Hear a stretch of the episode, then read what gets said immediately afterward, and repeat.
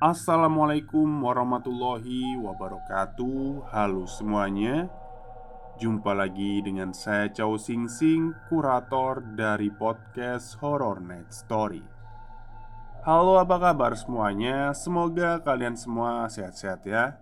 Dan seperti biasanya pada siang hari ini Saya kembali dan akan menghadirkan sebuah kisah mistis untuk kalian semua Kisah mistis kali ini saya datangkan dari treat horror akunnya Awas di Belakang Yang menceritakan seorang wanita yang ternyata selama ini dia tinggal dengan orang yang sudah meninggal. Oke, daripada kita berlama-lama, mari kita simak ceritanya.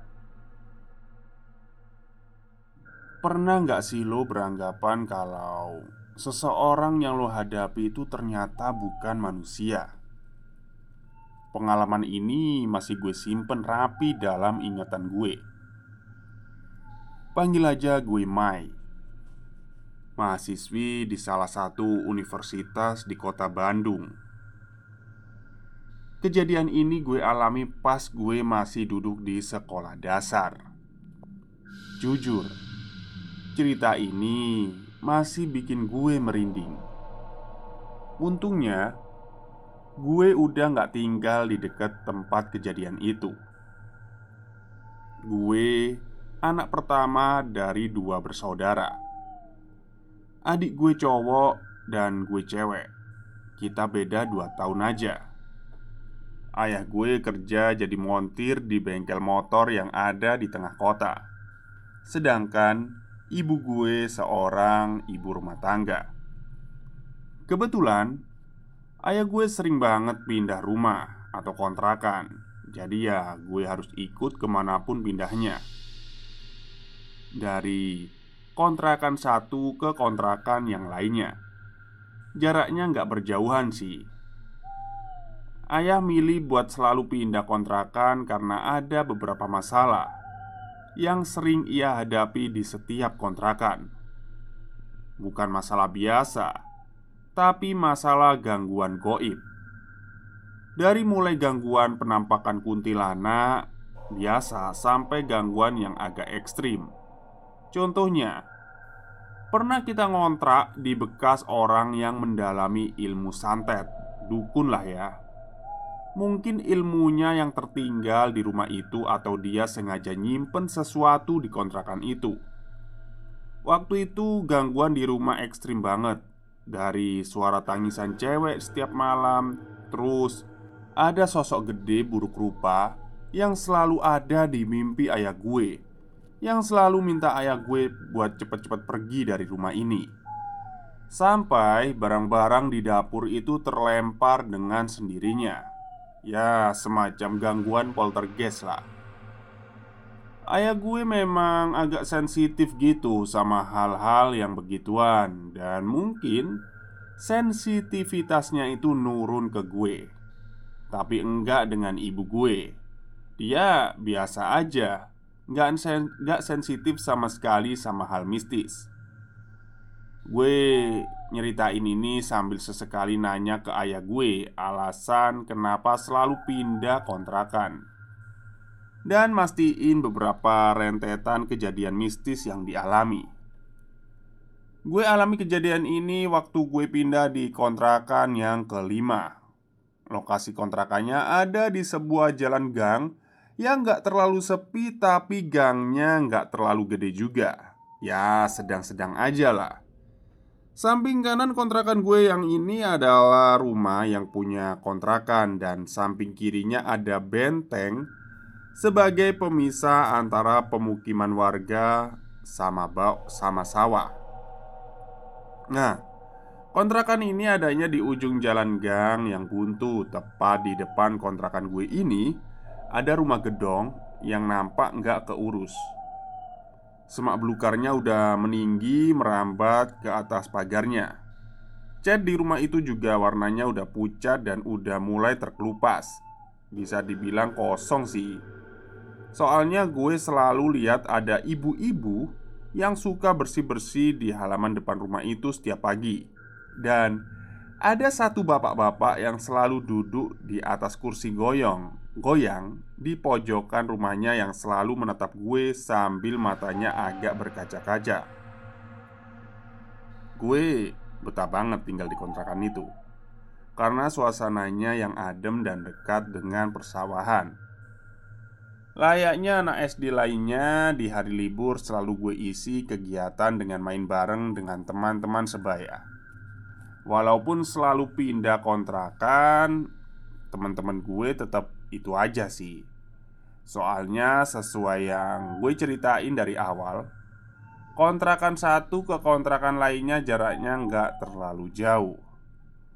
Gue suka banget main di rumah temen gue yang namanya Ira bareng teman-teman yang lain ada Meti dan Hera. Mainan di rumahnya itu banyak banget soalnya. Biasalah, cewek-cewek gitu ya. Apalagi kalau mainannya bukan boneka-bonekaan. Kalau enggak ya masak-masakan lah. Dulu itu nggak ada TikTok, nggak zaman kayak nggak kayak zaman sekarang gitu. Ada TikTok, ada Instagram ya. Ya zaman dulu itu lebih enak gitu. Nah, Hari itu hari Minggu Gue habis main dari rumah Iras Kira-kira habis asyar Pas mau sampai di rumah Gue ngelihat Bapak-bapak yang biasa duduk di kursi goyang Yang ada di rumah gedong itu. Sekarang ada di depan gerbang rumah itu. Dia lagi berdiri Perawakannya biasa aja sih Nggak pendek, nggak tinggi Badannya juga kurus. Kulitnya putih, umurnya ya sekitar 50 tahunan lah. Dia pakai kaos oblong warna putih Kebawahan celana selutut. Namanya Pak Oki Matanya terus natap ke arah gue. Dari matanya gue inget ada perasaan sedih setiap kali dia ngeliat gue. Matanya agak sedikit berkaca-kaca waktu itu. Dia manggil nama gue. Nak, sini. Nah, Gue samperin dong. Iya pak ada apa? Ayo pulang nak. Mama udah nunggu. Nah gue heran Lah ini kan gue udah pulang. Iya pak. Ini saya juga mau pulang. Nah Pas gue mau belok ke arah kontrakan gue Pak Oki ini bilang Lu rumahmu itu di sini nak. Nah Dia nunjuk tuh ke arah, ke arah rumah gedung itu Sambil terus natap sedih ke arah gue lah. Aduh Bukan pak. Rumahnya Mei di situ Jawab gue sambil nunjuk ke kontrakan. Nah karena waktu udah sore Gue lantas lari ninggalin Pak Oki sendirian Di depan rumah gedong itu. Ketika gue sampai di pintu kontrakan Gue lihat Pak Oki itu masih natap gue. Natapannya itu kayak sedih gitu. Besok harinya gue berangkat sekolah Kayak biasa. Gue ngelihat ibu-ibu ART lah. Asisten rumah tangga Sebut saja namanya Mbak Ina Lagi bersih-bersih di halaman rumah gedong Dan Pak Oki Masih aja natap gue dari atas kursi goyangnya yang ada di pojokan rumah. Siangnya waktu gue pulang Pak Oki sudah stay di depan gerbang rumahnya. Dari jauh Dia tetap natap gue. Pas gue lewat Tepat di depan dia Pak Oki ini langsung lari ke arah gue Terus meluk gue erat-erat. Kaget dong. Terus dia ngomong Ayah sudah lama nunggu. Ayo nak kita pulang. Mamamu udah menunggu di rumah. Nah, gue keheranan sambil nahan rasa sesak dari pelukan Pak Oki itu. Gue berontak lah, gak mau dipeluk. Dan ngerasa kalau Pak Oki ini kayak orang gila. Nah, lepas dari Pak Oki Gue langsung lari ke kontrakan gue Pintu langsung gue tutup lagi Dah, ibu gue yang ada di dapur heran lihat gue buru-buru masuk rumah Kenapa, Mai? Itu, Bu. Ada orang gila tadi meluk-meluk Mai.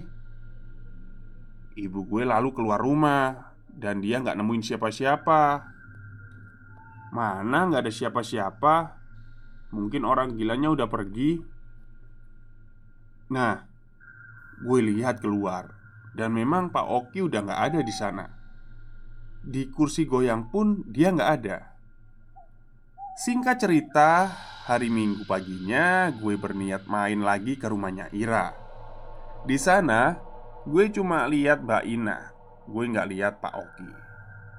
Penasaran, gue perhatiin di sekitar kursi goyangnya. Dan memang Pak Oki nggak ada di sana. Mbak, Mbak, Mbak Ina yang lihat gerak-gerik gue itu nyamperin lah ke arah gerbang Eh, kamu nyari siapa? Pak Okinya nggak ada mbak Mbak Ina terdiam Dengan nada yang sedikit terbata-bata dia bilang Kok nanya Pak Oki? Ayo ikut mbak ke dalam rumah Nah, karena penasaran Ya udahlah, gue ikutin aja. Di dalam rumah itu banyak banget pernak-pernik perhiasan yang dipajang di lemari pajangan. Dinding rumah itu juga banyak foto-foto di sana. Ada foto keluarganya Pak Oki dan ada satu yang menarik perhatian gue. Ternyata ada foto yang uh, menurut gue cukup mirip ya sama gue. Ternyata itu anaknya. Dan kayaknya seumuran lah sama anak sama gue. Nah gue ini spontan tanya ke Mbak Ina. Mbak itu siapa ya? Kata gue sambil nunjuk tuh foto. Mbak Ina ngejawab Itu namanya Cika Anaknya Pak Oki satu-satunya. Nah dari sini Mbak Ina ngejelasin Sesuatu yang buat gue kaget sekaligus membuat gue tahu Alasan kenapa Pak Oki sifatnya kayak gitu ke gue. Jika hilang Kata orang Dia diculik Dan sampai sekarang belum diketemukan. Semenjak jika hilang Pak Oki itu selalu ngelamun di atas kursi goyangnya di depan rumah Mbak Ina bilang, makin hari tingkah Pak Oki ini makin aneh. Kadang dia ngobrol sendiri, kadang nangis sendiri, kadang ketawa sendiri. Ya berarti anggapan gue bener dong, Pak Oki ini gila. Gue sama Mbak Ina udah sampai di belakang rumah. Nah, di sana ada pintu yang katanya Mbak Ina itu akses buat ke halaman belakang yang dijadiin pemakaman keluarga. Hah? Pemakaman? Gue masuk ke area halaman belakang itu dan bener aja. Di sana udah ada satu makam.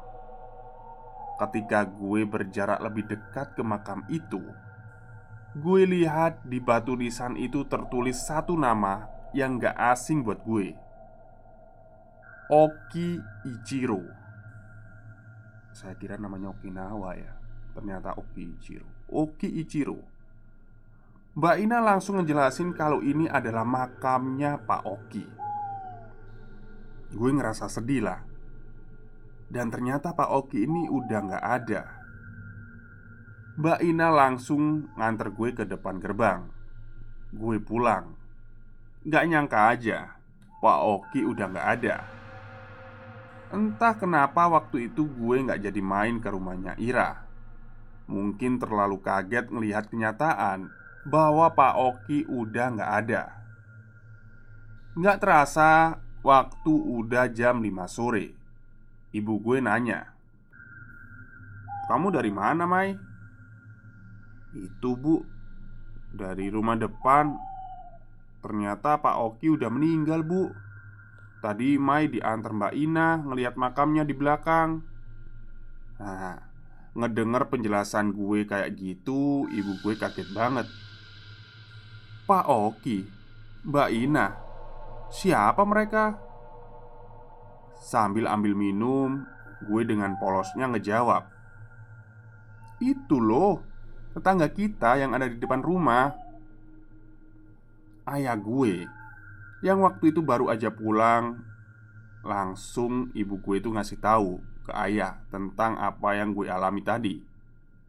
Tanpa basa-basi, ayah gue langsung tutup pintu terus dikunci. Ayah ngejelasin sesuatu hal yang bikin gak masuk akal di benak gue.